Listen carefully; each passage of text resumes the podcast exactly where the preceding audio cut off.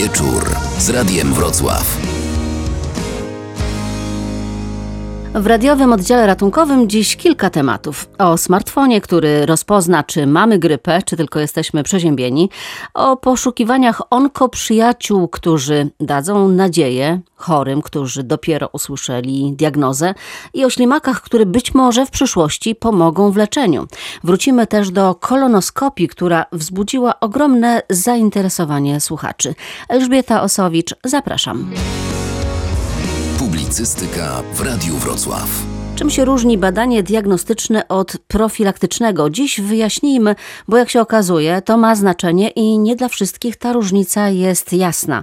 Informacja o tym, że na bezpłatne kolonoskopie finansowane przez Ministerstwo Zdrowia nie ma chętnych, wywołała lawinę komentarzy i telefonów. Dla wielu naszych słuchaczy nie było jasne, dlaczego z profilaktycznego programu mogą skorzystać tylko osoby zdrowe w wieku od 50 do 65 lat lat. Kilka komentarzy z naszej strony internetowej.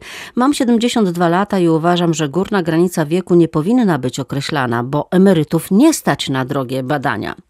Ja muszę i chcę, ale nie mogę, bo mam 39 lat. Najbliższy termin to grudzień.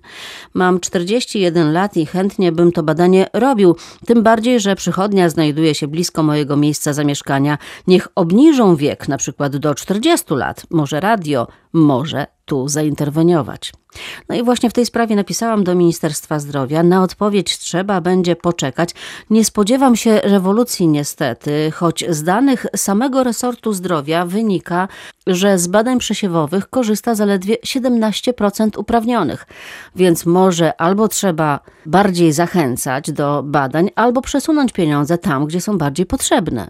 Na razie o wyjaśnienia poprosiłam doktora Radosława Kępińskiego z Kliniki Gastroenterologii Uniwersyteckiego Szpitala Klinicznego we Wrocławiu. Program badań przesiewowych prowadzony przez, e, od wielu lat zresztą przez e, Ministerstwo Zdrowia. Jest to program poza finansowaniem NFZ-u i program przeznaczony dla ludzi, którzy chcą przebadać się profilaktycznie, czyli nie mają objawów żadnych związanych e, z patologią jelita grubego, a chcieliby zbadać jelito grube. Takie badanie jest e, możliwe dla nich właśnie w tych widełkach wiekowych, czyli między 50 a 65 rokiem życia lub jeżeli mają krewnego pierwszego stopnia z rakiem jelita grubego, nawet od 40 roku życia, czyli troszeczkę wcześniej. Dlaczego te widełki? Te widełki są związane z tym, że obserwujemy w tych właśnie przedziałach wiekowych obecność polipów jelita grubego, czyli polipy jelita grubego to są zmiany, które wzrastają e, ich wykrywalność wraz z wiekiem. Czyli nie stwierdza się ich, albo stwierdza się je rzadko u ludzi młodych, a stwierdza się je dosyć często u ludzi w tym właśnie wieku. Dlatego my badamy tych ludzi, chcemy stwierdzić e, obecność polipów i po usunięciu ich za zapobiec rozwojowi raka jelita grubego, który rośnie na bazie polipów y, jelita grubego. Chętnych za dużo do tych badań nie ma. Niektóre ośrodki naprawdę no, z otwartymi rękoma przyjęłyby takie osoby. Natomiast jest duża liczba osób, które chcą przyjść, ale nie mogą, bo nie łapią się na te widełki. Czy nie można byłoby obniżyć na przykład, albo podwyższyć tego limitu, albo w ogóle takie badanie robić u wszystkich najlepiej? U wszystkich nie, ponieważ to jest program i plan ministerialny. Tak jak mówię, badania toczą się od co najmniej 10 lat, jak, jak sięgnę pamięcią wstecz i to jest też związane z pewnym finansowaniem, ponieważ ministerstwo płaci za każdego pacjenta łącznie z przygotowaniem y, do badania, więc nie może, nie ministerstwo też nie ma, tak myślę, środków na finansowania poza tym programem większej ilości tych chorych i też te widełki są od wielu lat na takim samym mniej więcej poziomie. Nie ma co apelować o to, żeby podwyższyć albo obniżyć. Według mnie nie ma co apelować. To jest y, program dokładnie przemyślany przez pana profesora Jarosława Reguły z Warszawy, który jest koordynatorem tego programu i trudno też apelować, żeby te widełki obniżać, bo tak jak mówię, u tych młodszych pacjentów tych polipów po prostu stwierdzamy znacznie rzadziej, więc y, z prostego kalkulacyjnego, statystycznego punktu widzenia nie opłaca się u nich robić badań, bo tam tych polipów stwierdzamy mniej. Ale do nas zgłaszają się niestatystyczni pacjenci, którzy mówią, muszę zrobić, e, potrzebuję, mam skierowanie, ale termin mam na grudzień albo za rok. To są pacjenci, którzy mają objawy, to są różne objawy, bóle brzucha, krwawienie z jelita, utrata masy ciała. To są chorzy skierowani przez lekarzy na e, badanie diagnostyczne, czyli nie na badanie profilaktyczne przeznaczone dla ludzi bez objawów, tylko dla, na badanie diagnostyczne. To jest zupełnie inna rzecz. My tych chorych w, pro, w programie badań przesiewowych nie powinniśmy w ogóle badać, bo to są chorzy, którzy już mają objawy, czyli o profilaktyce nie ma mowy, bardziej chodzi o diagnostykę. Dobrze, ale dlaczego dba się o osoby, które są zdrowe, jeszcze nie zachorowały, a nie dba się o osoby, które są chore i rzeczywiście potrzebują leczenia i diagnostyki? Tak jak powiedziałem, to są inne pule finansowania, bo o, przy diagnostyce mówimy o finansowaniu na, pod, na poziomie NFZ-u, czyli na podstawie, na poziomie pracowni endoskopowych sponsorowanych przez NFZ, a o programie profilaktycznym mówimy o programie Ministerstwa Zdrowia. To są inne źródła finansowania i mi trudno tutaj e, powiedzieć, dlaczego te finansowanie i kolejki się wydłużają. No, zdajemy sobie wszyscy sprawę, dlaczego kolejki się wydłużają. Jak jest więcej pacjentów, jest mniej pracowni endoskopowych. Być może finansowania i kontrakty są nie na takich poziomach, jakich, czy jakie potrzeba, ale to już jest kwestia procedur NFZ. Panie doktorze, ale co mają zrobić ludzie, którzy nie mają 50 lat albo mają powyżej 65 i mają czekać rok na przykład? Jak zapłacą kilkaset złotych, to wtedy będzie szybko. Oczywiście, to, to przyznam pani redaktor rację, że część z nich decyduje się na badania w procedurach prywatnych oczywiście. Natomiast e, ja myślę, że jedyna możliwość to jest e, po prostu wycieczka albo rozmowa z przedstawicielem NFZ-u i naświetlenie tego problemu. Mam, taki, mam takie schorzenie, dlaczego ja mam czekać na przykład rok na badanie kolonoskopowe, które w zasadzie jest badaniem no, e, no dosyć, powinno być badaniem dostępnym, tak jak gastroskopia, USG jamy brzusznej, tak jak każde inne. Pacjent w zderzeniu z NFZ-em trochę ma małe szanse. Może lekarze, konsultant wojewódzki, krajowy, może oni powinni z NFZ-em rozmawiać na ten temat.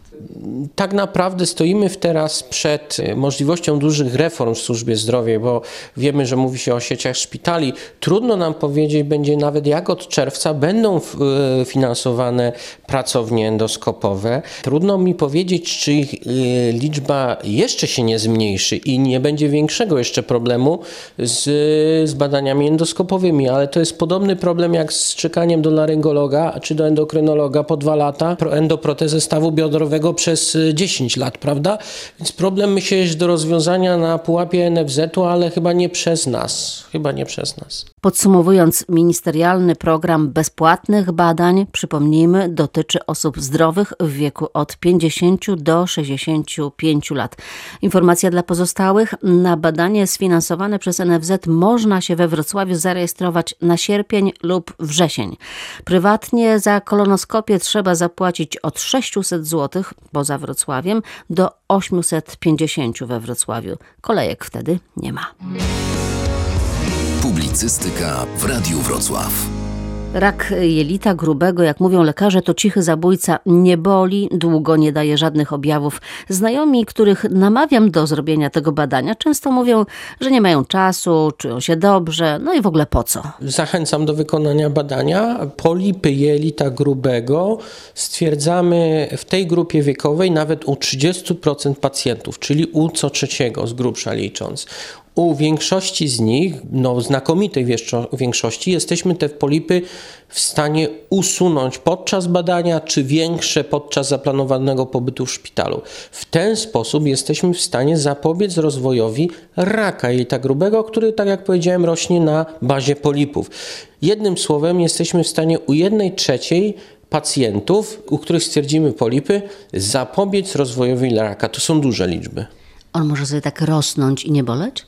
Dokładnie. Dlatego badania profilaktyczne po badania u pacjentów bez objawów, bo rak jelita grubego nie daje objawów. W zasadzie rak jelita grubego daje objawy, jeżeli jest już bardzo rozwiniętym rakiem w fazie właściwie nawet już często nieoperacyjnej i pierwszym takim objawem to jest e, krwawienie z jelita. To nie jest ból, to nie, jest, to nie są jakieś inne objawy.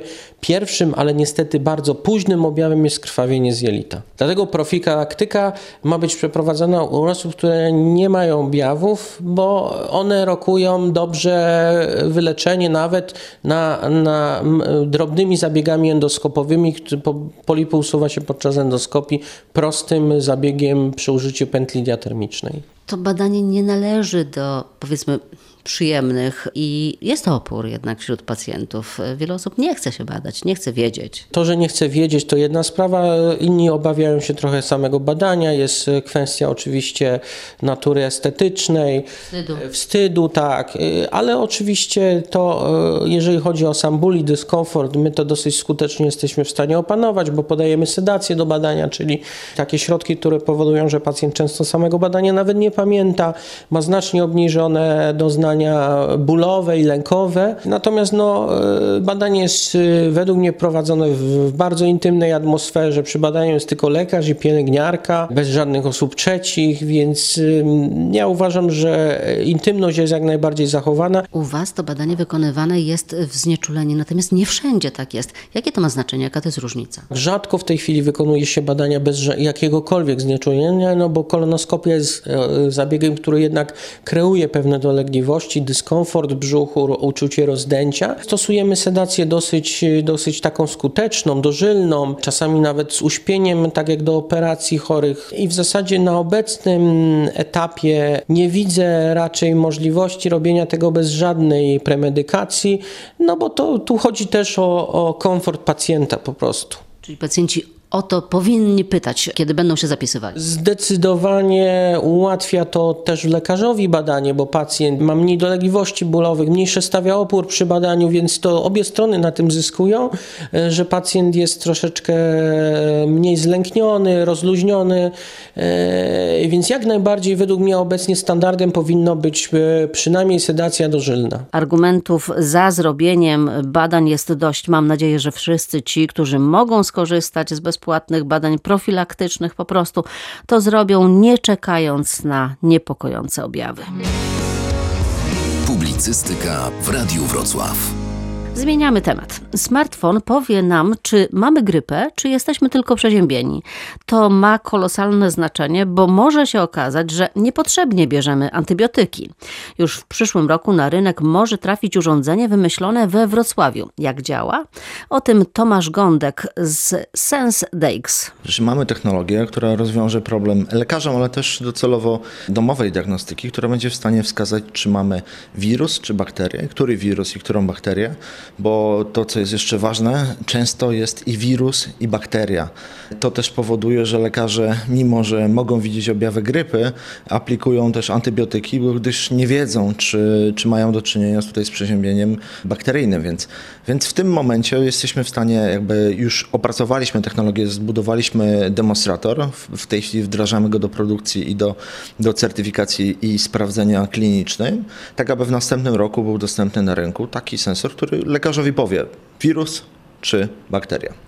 I jakie to urządzenie, jak to ma działać? Znaczy nie wchodząc w szczegóły, ale działać będzie na podstawie wymazu y, z gardła. On będzie w takim buforze rozbijany, nanoszony y, na elektrodę i elektroda razem z czytnikiem, który będzie albo sprzężony z komputerem, albo z y, komórką, w ciągu 3 do 5 minut pokaże, czy mamy do czynienia z wirusem, czy z bakterią i którym wirusem. Tam będzie 8 zdefiniowanych patogenów, czyli patogen to może być bakteria i wirus, które będziemy definiować. Do, da konkretną informację. Oczywiście nie zastąpi to lekarza. Lekarz będzie musiał powiedzieć, jak e, działać dalej, ale w tej chwili przychodząc do lekarza, lekarz mając większe lub mniejsze doświadczenie próbuje określić, a i tak z natury pewnie dla bezpieczeństwa da antybiotyk, bo e, no, z dwojga złego, jeżeli jest ryzyko dalszych powikłań, to pewnie e, antybiotyk zostanie podany. Co prawda to potem skutkuje lekoopornością i tym, że następne antybiotyki czy następne wirusy, bakterie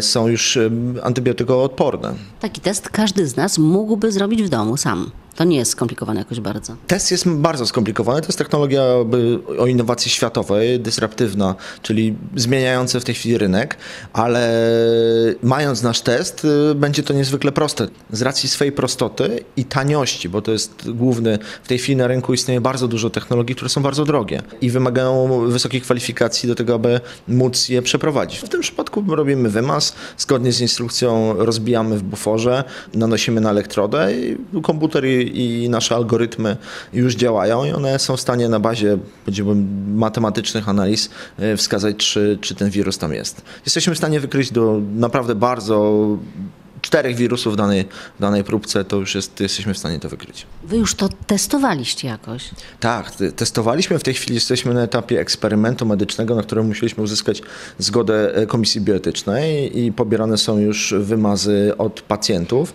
bo w tej chwili wcześniej testowane było to na wirusach laboratoryjnych i to, to się bardzo dobrze sprawdzało. W tej chwili testujemy to na wymazach od pacjentów, no i wyniki są już bardzo obiecujące i bardzo, bardzo właściwe.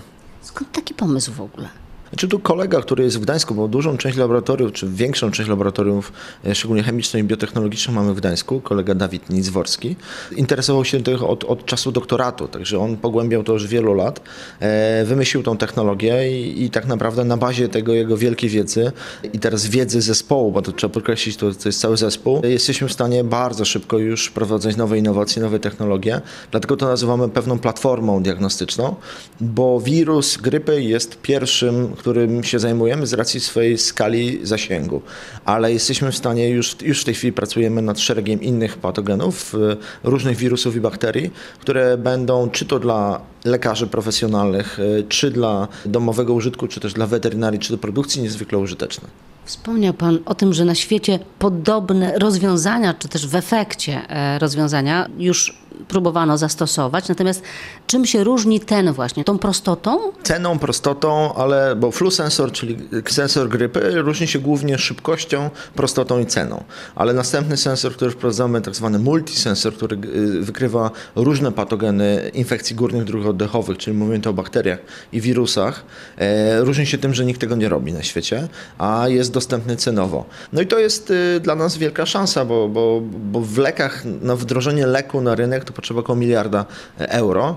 E, w tym przypadku w tej chwili będzie, czy zbieramy, czy jakby już jesteśmy na ukończeniu zbierania około 16 milionów złotych i to pozwoli nam... Gdzie uzbieraliście 16 milionów złotych? Znaczy wygraliśmy szereg konkursów grantowych i po pierwszej fazie przedstawienia przez nas biznesplanów e, zostaliśmy ocenieni niezwykle wysoko i skierowani na, do promocji przez Unię Europejską jako wzorcowy projekt. Ostatecznie tak. Każdy z nas telefon ma, co potrzebujemy kupić i ile to może kosztować? Takie urządzenie będzie kosztowało około 100 do 200 zł i w aptekach, czy, czy w innych miejscach, czy na stacjach benzynowych będzie się kupowało elektrody jednorazowe, które będą kosztowały około 20 zł i te elektrody będą służyły do, do, do jednorazowego sprawdzenia e, jakby obecności danego patogenu, do którego będą przeznaczone.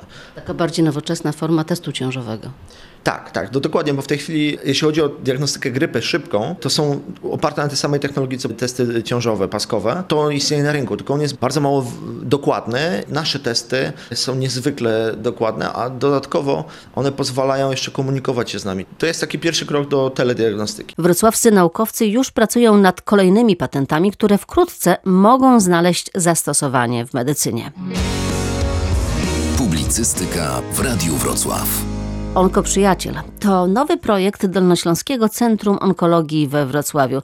Na czym polega, tłumaczy rzeczniczka szpitala Agnieszka Czajkowska. Szukamy byłych pacjentów, którzy przeszli chorobę nowotworową z pozytywnym efektem. Głównie takich osób szukamy. Osób, które mają trochę wolnego czasu, dobrą wolę, żeby porozmawiać z nowymi pacjentami. Dlaczego zdecydowaliście się na taką akcję?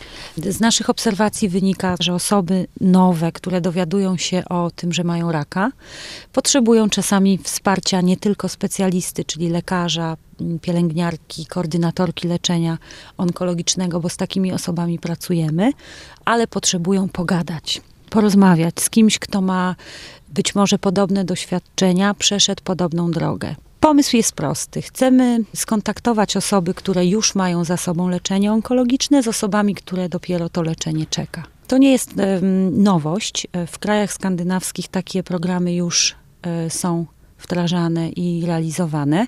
E, Wiemy o takim projekcie w Norwegii, gdzie funkcjonuje specjalna infolinia pacjentów, do których można zadzwonić i porozmawiać.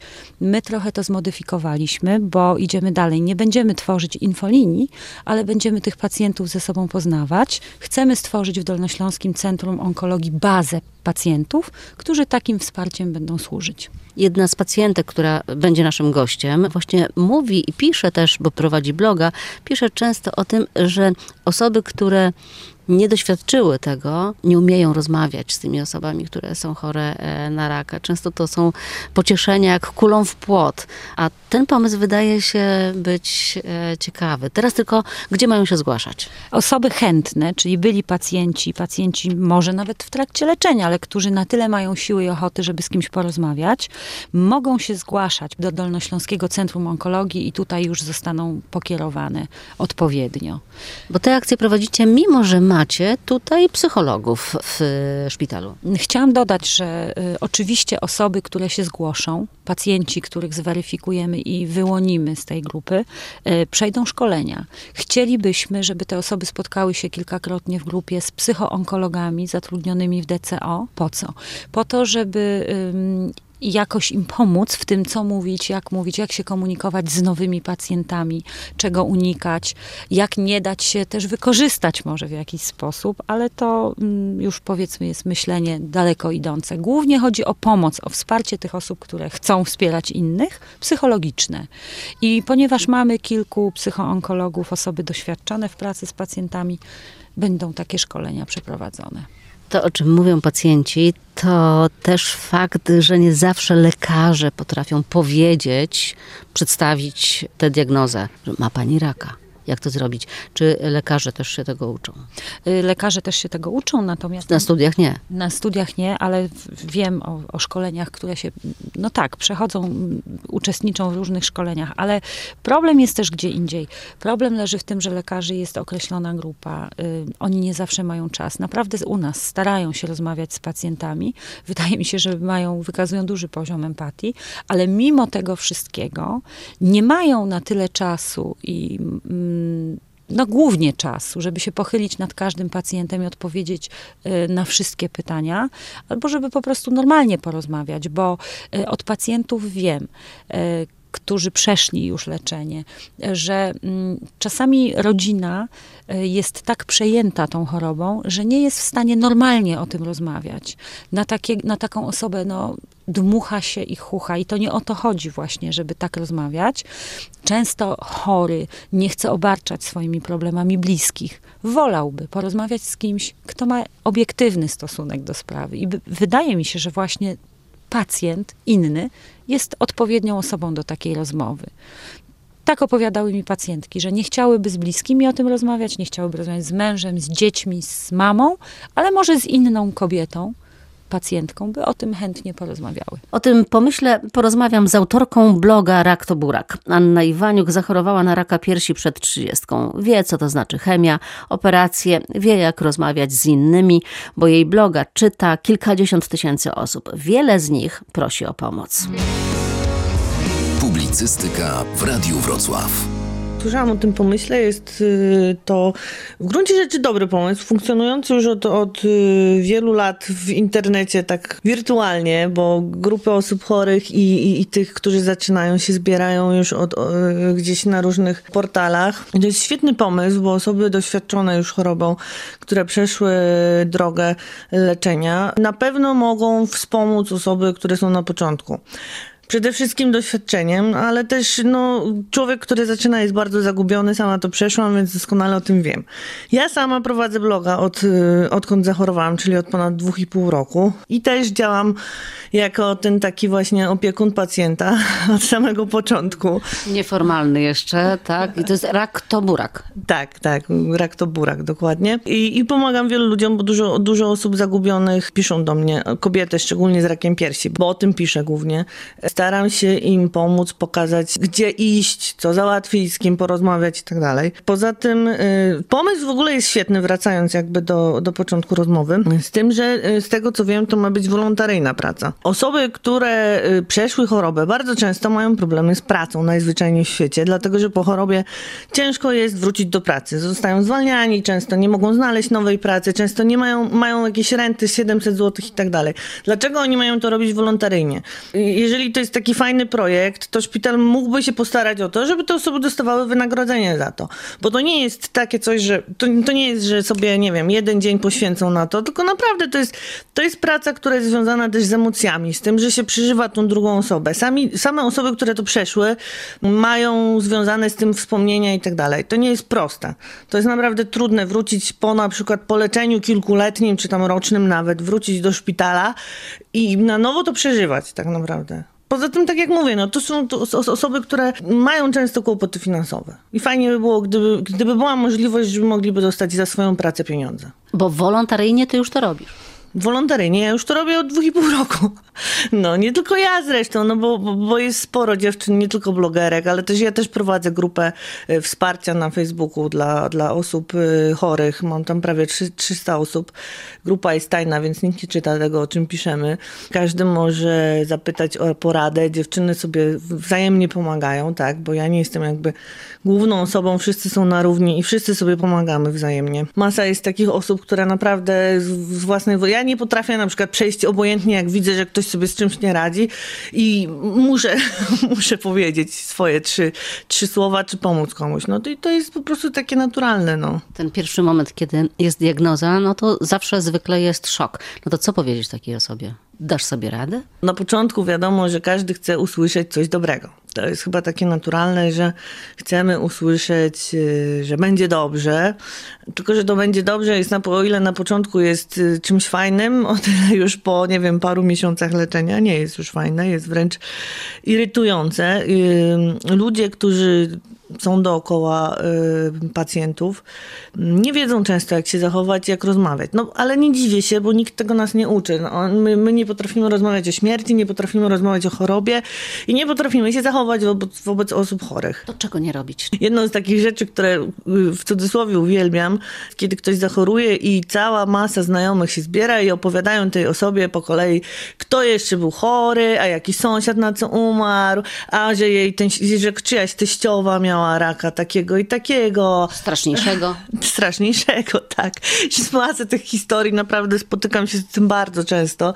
Y, Sami nawet pacjenci to nakręcają, często będąc w szpitalu, y, gdzieś tam na oddziale, jak leżą sobie, nie wiem, cztery czy pięć pań i same zaczynają się nakręcać z takimi tematami i opowiadać sobie, kto miał gorzej. A, no i licytacje oczywiście, ale to już jest też inny temat. Wracając do y, zdrowych ludzi, którzy mają do czynienia z chorymi, bardzo często się zdarza, że oni ym, urywają kontakt z chorym, bo nie wiedzą, co powiedzieć. Dla mnie najważniejsza jest komunikacja, czyli powiedz to. Powiedz to, że ty nie wiesz, co masz powiedzieć, nie wiesz, jak masz się zachować. Komunikacja, czyli, czyli szczerość. Wydaje mi się, że też dla mnie na przykład było ważne, że, że przyjaciele mi mówili, słuchaj Janka, cokolwiek by się nie działo, ja będę przy tobie, tak? Czyli czy będzie dobrze, czy nie będzie dobrze, to ta osoba będzie, będzie mi pomagać, będzie mnie wspierać i będzie dalej moim przyjacielem, tak? I to jest bardzo ważne. To jest najważniejsze, żeby nie wciskać osobie, że będzie dobrze, bo może nie być, tylko żeby jej powiedzieć, że cokolwiek się nie dzieje, będzie. Po prostu. Możesz na mnie liczyć. Tak, dokładnie. Możesz na mnie liczyć i tutaj też nie chodzi na przykład, bo często też ludzie zdrowi pytają się, jak mogę pomóc. Czasami po prostu największą pomocą jest zwyczajne traktowanie tej osoby. Czyli na przykład zabranie nie wiem, gdzieś na zakupy, y, na kawę, na herbatę, pójdźmy sobie na obiad. Nie rozmawiajmy o tej chorobie. W ogóle czasami po prostu dajmy odetchnąć. A jak widzimy nawet właśnie, że ktoś jest w gorszym stanie psychicznym, w jakichś stanach depresyjnych, czy, czy takich po prostu dołama, to właśnie to najważniejsze, żeby tą osobę wtedy wziąć i wyciągnąć, tak? Wyciągnąć. Nie rozmawiać o chorobie, nie rozmawiajmy o tym, pójdźmy sobie na kawę, pójdźmy sobie do kina. Nawet możemy w ogóle nie rozmawiać, ale bądź, bądź obok, tak? Jest taka instytucja jak psychoonkolog przy każdym y, szpitalu DCO i nie tylko pacjenci mogą tam podejść, mogą również Podchodzą, korzystają? korzystają, aczkolwiek no, nie, nie wszyscy. Du- dużo ludzi się boi. No, też żyjemy w kraju, w którym jak się słyszy psycholog czy psychiatra, to od razu się uważa, że ktoś, kto chodzi tam, to jest jakiś nienormalny, jest wariatem. I, no i nie ma to jakiejś takiej... Do... Chociaż powoli, powoli się y, świadomość rośnie. Ale znam wielu ludzi, którzy mają z tym problem. Sama miałam problem, do, żeby pójść do psychoonkologa. W końcu poszłam. Dowiedziałam się, że sobie świetnie radzę, tak jak myślałam. Ale poszłam, żeby, żeby sprawdzić, no, żeby porozmawiać z kimś, kto, kto może mnie zrozumieć. A lekarze, jak oni komunikują się z pacjentami? Potrafią mówić o tym, co cię czeka, co ich czeka, co czeka pacjentów? No ja w swojej długiej drodze już chorowania trafiłam na wielu lekarzy i tych naprawdę świetnych, i bardzo empatycznych, i bardzo komunikatywnych, i również niestety takich, którzy kompletnie nie potrafią, nie radzą sobie z komunikacją z pacjentami. Szczególnie na, na początku trafiłam na lekarza, lekarkę, która mnie wyśmiała. Przyszłam z wielkim guzem. W moim przypadku guz naprawdę rósł, rósł bardzo szybko, co później zresztą przy wznowie e, się potwierdziło, bo rósł centymetr na tydzień. I ja usłyszałam, że, że to niemożliwe, że to w ogóle jest niemożliwe, że ja wymyślam, że ja kłamię. Zostałam wyśmiana, oprychana dosłownie. I, i to, był moje, to było moje w ogóle pierwsze doświadczenie y, z lekarzem y, w trakcie leczenia i powiem szczerze, że mm, byłam w takim szoku, że po prostu nic nie powiedziałam. Wyszłam stamtąd, popłakałam się oczywiście i no i co zrobiłam? No i oczywiście zaczęłam szukać innego lekarza, poszłam prywatnie i okazało się, że nie, jednak to jest możliwe, jednak ja nie jestem jakaś stuknięta i, i tak dalej. Z tym, że no ja mam taki charakter, że ja, że ja ciągle prę do przodu, ja się nigdy nie poddaję, ale jest masa ludzi, którzy myślę, gdyby, gdyby trafiła na takiego lekarza, to nie wiem, no rozwaliliby się psychicznie, no czekaliby te półtorej miesiąca na badania, czy dwa miesiące na badania, bo takie są e, terminy, a kiedy rak szybko rośnie, nie ma dwóch miesięcy czasu, nie ma. Publicystyka w Radiu Wrocław. Jest teraz pakiet onkologiczny. On działa, twoim zdaniem? Pakiet onkologiczny moim zdaniem działa na papierku tylko, bo kiedy przychodzi nowy pacjent, w szpitalu trzeba czekać 6-8 tygodni na USG czy na mammografię. Nie, nie, nie, to się wszystko robi w dwa dni. To jest tak, że się przychodzi, jest podejrzenie, dostaje się zieloną kartę. W dwa, trzy dni, dobrze, góra tydzień, robi się wszystkie te USG i tak dalej. I za cztery, góra pięć tygodni jest operacja. Tak działa pakiet. Z mojej perspektywy. Ja, ja to słyszę od lekarzy. Dobry żart, dobry żart, bardzo dobry. W praktyce wygląda to tak, że y, przychodzi pacjentka do przychodni, y, mówi, że ma podejrzenie raka i chce się zarejestrować na USG.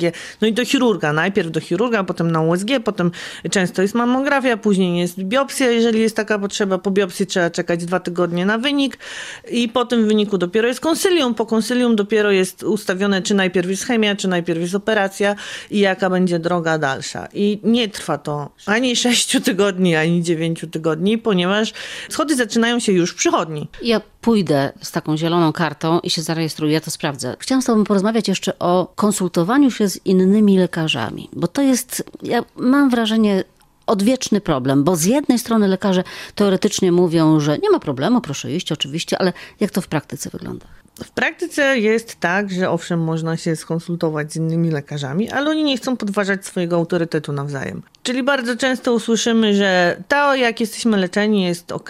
No i niestety odbijamy się od ściany. I zdarza się, na przykład w moim przypadku tak było, że konsultowałam się z kilkoma lekarzami w całej Polsce i każdy jak widział DCO Wrocław nie chciał nic powiedzieć. No bo no, uważają, że tam. Ja, ja usłyszałam trzy razy, że to jest bardzo dobry ośrodek, że tam są lekarze, którzy są szanowani w, w, w środowisku i no, y, jeżeli oni podjęli taką decyzję, to ta decyzja jest dobra. Ja usłyszałam coś takiego. Ale czasem też mogą się mylić. Tego doświadczyłaś na sobie. Zgadza się, tak, tak. Czasami mogą się mylić, czasami mogą coś przeoczyć. W przypadku moim było tak, że chemia nie działała. Trzeba było się skonsultować z chirurgami może po raz kolejny i po raz kolejny.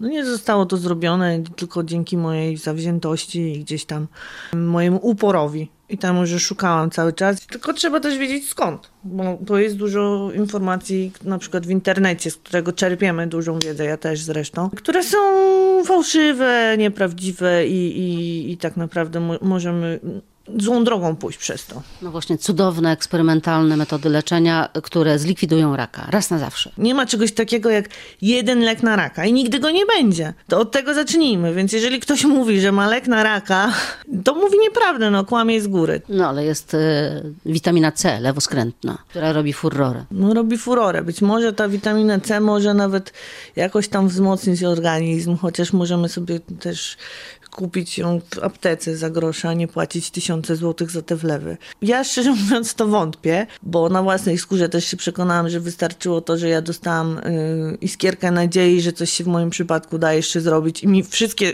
wyniki podskoczyły i to było niesamowite, bo to yy, na własnej skórze przekonałam się, jak działa psychika i, i faktycznie na wynikach z, między jedną a, a drugim wynikiem krwi był tydzień i te wyniki krwi miałam lepsze niż od dwóch lat nie miałam tak dobrych wyników, a mój organizm pracował tak jakby był całkowicie zdrowy, bo dostałam iskierkę nadziei na to, że, że coś się zmieni w mojej sytuacji i ja na przykład przestałam odczuwać zmęczenie, adrenalina, e, endorfiny i tak dalej.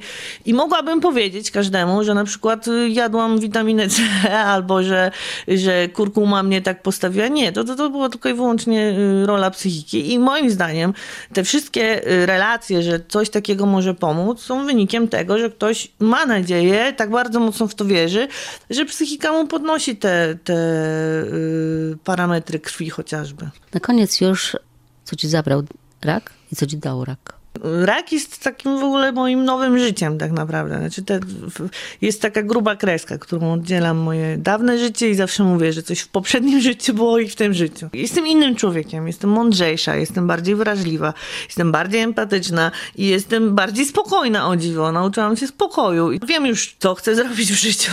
Poznałam sens życia i umiem obrócić każdą złą rzecz w dobrą rzecz. A co chciałabyś robić w życiu? Myślę, że pomagać dalej ludziom innym. Pomagam i, i, nie potrafię przejść obojętnie. Widzę, ile rzeczy można jeszcze naprawić. Jak y, słabo działa informacja, na przykład w szpitalach, jak ludzie są zagubieni. Fajnie by było zrobić, y, nie wiem, myślałam o założeniu fundacji, ale na razie, na razie jeszcze póki się leczę, to odpada, aczkolwiek mm, chciałabym po prostu służyć informacją pacjentom, tak żeby wiedzieli, co zrobić. Także jak trafią do internisty i internista im powie, że mają podejrzenie raka, założy im zieloną kartę, żeby oni wiedzieli, co dalej zrobić. Bo nie mają zielonego pojęcia. Ja też nie miałam zielonego pojęcia. Moim zdaniem powinny być naprawdę broszury informacyjne. W internecie powinna być klarowna, jasna informacja. Ja pamiętam, jak poszłam na USG prywatnie, jak wyczułam guza i pani doktor doktor mi powiedziała, no źle to wygląda, jest podejrzenie raka, musi pani się udać do DCO. Nie wiedziałam, co to jest DCO, ale dobrze, udałam się tam, tam jest sześć budynków, tak, bodajże. I ja tam stanęłam, ja pamiętam ten, ten moment, jak stanęłam na środku tam dziedzińca, przy ławeczkach i po prostu się popłakałam. Ja nie wiedziałam, co mam zrobić, gdzie ja mam iść? Nikt mi nic nie powiedział. Nie powiedzieli mi, proszę iść do przychodni, która znajduje się w budynku H, tam iść do rejestracji, powiedzieć, że ma pani podejrzenie raka, że trzeba jak najszybciej zarejestrować się do onkologa, chirurga. Tego też nie usłyszałam, gdzie mam się zarejestrować. Wtedy jeszcze nie było zielonej karty, tak swoją drogą. Przyszłam z tym USG moim w ręku wymiętolonym. i powiedziałam, że chciałabym się zarejestrować do chirurga, onkologa i pani mi powiedziała, to był, to był początek września, pani mi powiedziała, dobrze, na koniec października. I mówiąc szczerze, ja, ja stałam i, i mówię, co mam zrobić, no co mam zrobić do października? No, u mnie jeszcze tak bardzo szybko rósł ten rak. Ja się popłakałam po prostu. Wyciągnęłam USG, pokazałam jej opis i powiedziałam, proszę pani, ja mam prawdopodobnie raka, proszę mnie zarejestrować natychmiast. No i zarejestrowała mnie pani natychmiast no, na, za trzy dni. Publicystyka w Radiu Wrocław. Na koniec jeszcze porozmawiajmy o ślimakach, które mogą pomóc w leczeniu. Doktorantka Uniwersytetu Medycznego we Wrocławiu, Anna Leśków, zajmuje się nimi od kilku lat i jest na tropie sensacyjnego odkrycia. Są pierwsze badania, e, które wykonaliśmy u nas w pracowni, e, które mówią chociażby o właściwościach przeciwbakteryjnych takiego śluzu i to możliwe, że kiedyś znajdzie zastosowanie w medycynie ludzkiej czy weterynaryjnej. Jak wyglądają te badania? Skąd te pierwsze ślimaki? Skąd pomysł w ogóle na to, żeby badać je pod tym kątem? Pierwsze ślimaki e, wzięły się z mojego ogrodu i z ogrodu profesora Całkosińskiego, który jest moim promotorem. Tak po prostu zostały przez nas wyłowione e, spod roślinek, które w tym ogrodzie hodujemy. Przede wszystkim spod aksamitek i spod chryzantem. E, takich standardowych kwiatów, który, które większość z osób ma w swoich ogrodach. Właśnie, jakie to ślimaki? Bo to odpowiedni gatunek, tak? Musi Tak, być. to są tak naprawdę dwa gatunki, którymi się zajmujemy. Przede wszystkim to jest pomrów wielki, czyli taki ślimak dosyć czarny, nakrapiany w takie centki. Trochę wygląda jak e, taka pantera z białym e, spodem, bez skorupki. W ogóle zajmujemy się ślimakami bezmuszlowymi, e, czyli bez skorupki. Drugi ślimak, którym się zajmujemy, to jest ślinik wielki. On jest w takich kolorach rdzawych, brązowych i spód ma brązowy, ciemny. Znamy je. Znamy je z ogródków, chodzą, nie lubimy ich za bardzo. Skąd pomysł na to, żeby je wziąć do ręki i coś z nimi robić? Tak naprawdę wszystko zaczęło się od y, profesora i od dbania przez y, profesora Całkosińskiego y, o swój własny ogród. E, On po prostu w którymś, w któryś piękny dzień e, wziął takiego ślimaka do dłoni, e, nieokrytej rękawiczką i spostrzegł, właściwie poczuł, że nic nie czuje. Na chwilkę stracił czucie w palcach, potem chciał zmyć ten śluz i okazało się, że jest to dosyć trudne i musiał wykorzystać Pumex, e, tak żeby go e, zedrzeć tak naprawdę. I tutaj pojawił się pierwszy pomysł, że może ten śluz mieć właściwości takie silnie klejące się. I, Bo my rzeczywiście widzimy, rano wstajemy, idziemy do ogrodu, a tam takie ścieżki Tak. po ślimakach właśnie, gdzie one chodziły, widać to. Dokładnie, one też, te ścieżki właśnie, tak jak pani redaktor mówi, one nie są zmywalne przez deszcz, co też dawało nam takie sygnały jakby ze środowiska, że coś w tym śluzie musi być i należy to zbadać. A że, że literatura nie donosi o żadnych e, związkach konkretnych, to uznaliśmy, że to jest właśnie ścieżka, którą powinniśmy podążać. Bo już wiemy, że są różnego rodzaju kremy ze ślimaków, e, ale to jest coś innego. Tak, to są kremy, które są pozyskiwane ze ślimaków afrykańskich, które są do nas importowane i są to zupełnie innego rodzaju ślimaki, ponieważ one mają muszle. A że mają muszle, to mają swoją ochronę w postaci tej muszli. Ślimaki, które muszli nie mają, muszą coś mieć innego w śluzie, co pozwalałoby im na ochronienie się przed czynnikami zewnętrznymi, takimi chociaż jakby, chociażby jak pogoda, temperatura, czy zwierzęta, jakieś drapieżniki. Mimo wszystko e, jakoś sobie żyją, stąd właśnie chcieliśmy poszukać, dlaczego nie ma drapieżników, nie ma em, zwierząt, które by je spożywały. Nie ma chętnych na nich. Nie ma chętnych. Właśnie i w ten sposób e, pierwsze ślimaki z e, waszych ogródków e, trafiły do laboratorium. Co tam robiliście?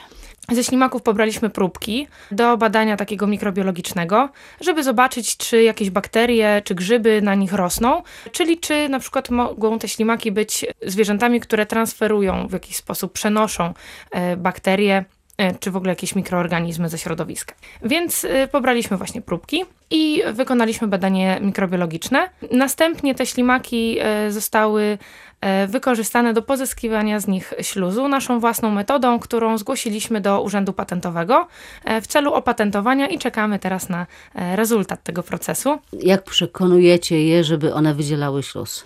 To jest jeszcze w fazie, e, że tak powiem, patentowania, ale to są metody mało szkodliwe, mało inwazyjne dla ślimaków. Stresujemy je po prostu zmiennym stężeniem, odmiennym od y, stężenia, które mają na zewnątrz. Umieszczamy je w specjalnej butelce e, z płynem o e, trochę wyższym stężeniu niż woda, z dodatkiem różnych soli i takie wytrząsamy, czyli mm, poddajemy takim obrotom intensywnym dosyć, ale nie takim, żeby zaszkodziły zwierzętom. Czyli one są w stanie przeżyć takie wytrząsanie. Jak najbardziej. Jak najbardziej to też był cel naszego doświadczenia, żeby ta metoda była mało inwazyjna i bezpieczna też dla środowiska i dla samych ślimaków, żeby można było po tej, po y, izolacji śluzu takie ślimaki uwolnić z powrotem do środowiska. Ja wiem, że działkowicze w tym momencie niespecjalnie się ucieszą, ale plus jest taki, że ślimaki tutaj też nie są poświęcane y, na, do tych badań y, i co istotne dla nas z punktu widzenia naukowców, możemy z nich korzystać kilkukrotnie. Potrząsaliście, wydzieliliście śluz, włożyliście to pod mikroskop i co się okazało? Okazało się, że śluz taki w y, konkretnych stężeniach ma właściwości przeciwbakteryjne, przede wszystkim y, przeciwko bakteriom z gatunku Salmonella, co może już być wykorzystane w przyszłości. Oczywiście wymaga to większej ilości badań, ale już są jakieś y, konkretne wyniki, które możemy przekazać światu i nauce. Właśnie, czy to jest odkrycie na skalę światową? Jest to odkrycie nowatorskie? Tego jeszcze nikt nie zrobił? Tego jeszcze nikt nie zrobił, ale czy to jest odkrycie, że tak powiem, na Nobla, to myślę, że jeszcze troszeczkę poczekamy. Co musi się jeszcze wydarzyć, żeby rzeczywiście potwierdzić te wasze przypuszczenia? Na pewno musimy jeszcze rozszerzyć badania o badanie innych stężeń śluzu, najlepiej y, jeszcze o badania innych śluzów z innych ślimaków, żeby być pewnymi, że ten nasz ślimak, którego wybraliśmy, czyli pomrów wielki, to jest ten jedyny, ten, który y, pozwoli nam na stworzenie czegoś nowego. Dodatkowo na pewno musimy rozszerzyć badania o jakby interakcję tego śluzu e, z komórkami ludzkimi żeby zobaczyć, czy on faktycznie może być y, zastosowany w preparatach dla ludzi. Głównie salmonella i bakterie Escherichia coli, czyli te, które każdy z nas ma w swoim przewodzie pokarmowym, a te, które czasem powodują różnego rodzaju nieprzyjemności ze strony układu pokarmowego, więc jak najbardziej... Czyli biegunki. Też. Jak najbardziej e, możemy wykorzystać taki e, śluz do leczenia ran, też dzięki temu, że ma właśnie takie właściwości adhezyjne, czyli przykleja się do rany, nie będzie z niej spływał. Tak samo możliwe, że znajdzie zastosowanie w jakichś preparatach do leczenia chorób y, zębów, przyzębia, y, generalnie w jamie ustnej.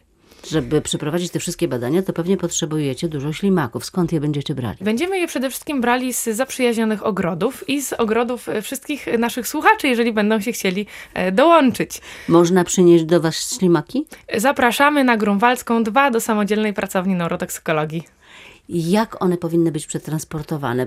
Co zrobić? Pozbierać w ogródku, czy, czy jak to zrobić? Najlepiej pozbierać w ogródku. Jeżeli ktoś ma taką możliwość, to bardzo byśmy prosili o pozbieranie ich w rękawiczkach, żeby one były w miarę takie, jak, jakie być powinny, brane ze środowiska. Następnie można takie ślimaczki spokojnie umieścić w zwykłym słoiku, najlepiej umytym. Jeżeli ktoś ma taką możliwość, to wyparzonym, tak żeby nie przenosić jeszcze dodatkowych bakterii w środku i zamknąć takie, taki pojemniczek szczelnie, tylko proszę zrobić dziurki w pokrywce, e, żeby troszkę miały jednak powietrza do oddychania. E, jeżeli to miałby być transport dosyć szybki, czyli powiedzmy od zebrania ślimaków do przywiezienia ich do nas jeden, góra dwa dni, to można wszystkie ślimaki, które Państwo znajdziecie, wrzucić jedne do, do, do jednego słoika. Natomiast jeżeli to miałby być troszkę dłużej trwający dojazd, to bardzo byśmy prosili o umieszczenie takich ślimaków jeden na jeden słoik, ponieważ te ślimaki bardzo lubią się zjadać. Nie lubią się nawzajem. Nie lubią się nawzajem albo nie lubią tego, czym ich żywimy y, w takich warunkach powiedzmy hodowlanych. To też utrudnia nam hodowlę. Już dawno byśmy ją założyli, gdyby właśnie nie to, że wykazują się kanibalizmem. Czekacie na te ślimaki i możemy wam pomóc. Oczywiście, że tak. Każdy może nam pomóc, każdy, kto ma ogródek, kto lubi chodzić na spacery po lasach, parkach. Tak naprawdę każdy człowiek może się przyczynić do odkrycia czegoś nowego. W radiowym oddziale ratunkowym na dziś to już wszystko. Do usłyszenia za tydzień. Elżbieta Osowicz.